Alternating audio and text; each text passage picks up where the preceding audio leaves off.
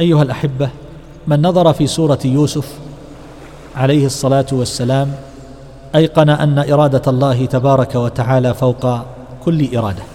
لقد أراد إخوة يوسف أن يقتلوه فلم يفعلوا ثم أرادوا أن يلتقطه بعض السيارة فيمحى أثره فارتفع شأنه ثم بيع ليكون مملوكا فصار ملكا ثم أرادوا أن يمحوا محبته من قلب أبيه فازدادت.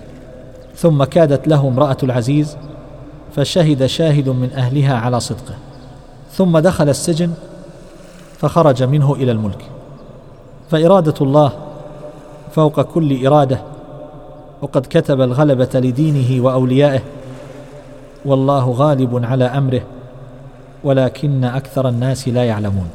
لقد كان في قصصهم عبرة لأولي الألباب. ما كان حديثا يفترى ولكن تصديق الذي بين يديه وتفصيل كل شيء وهدى ورحمة لقوم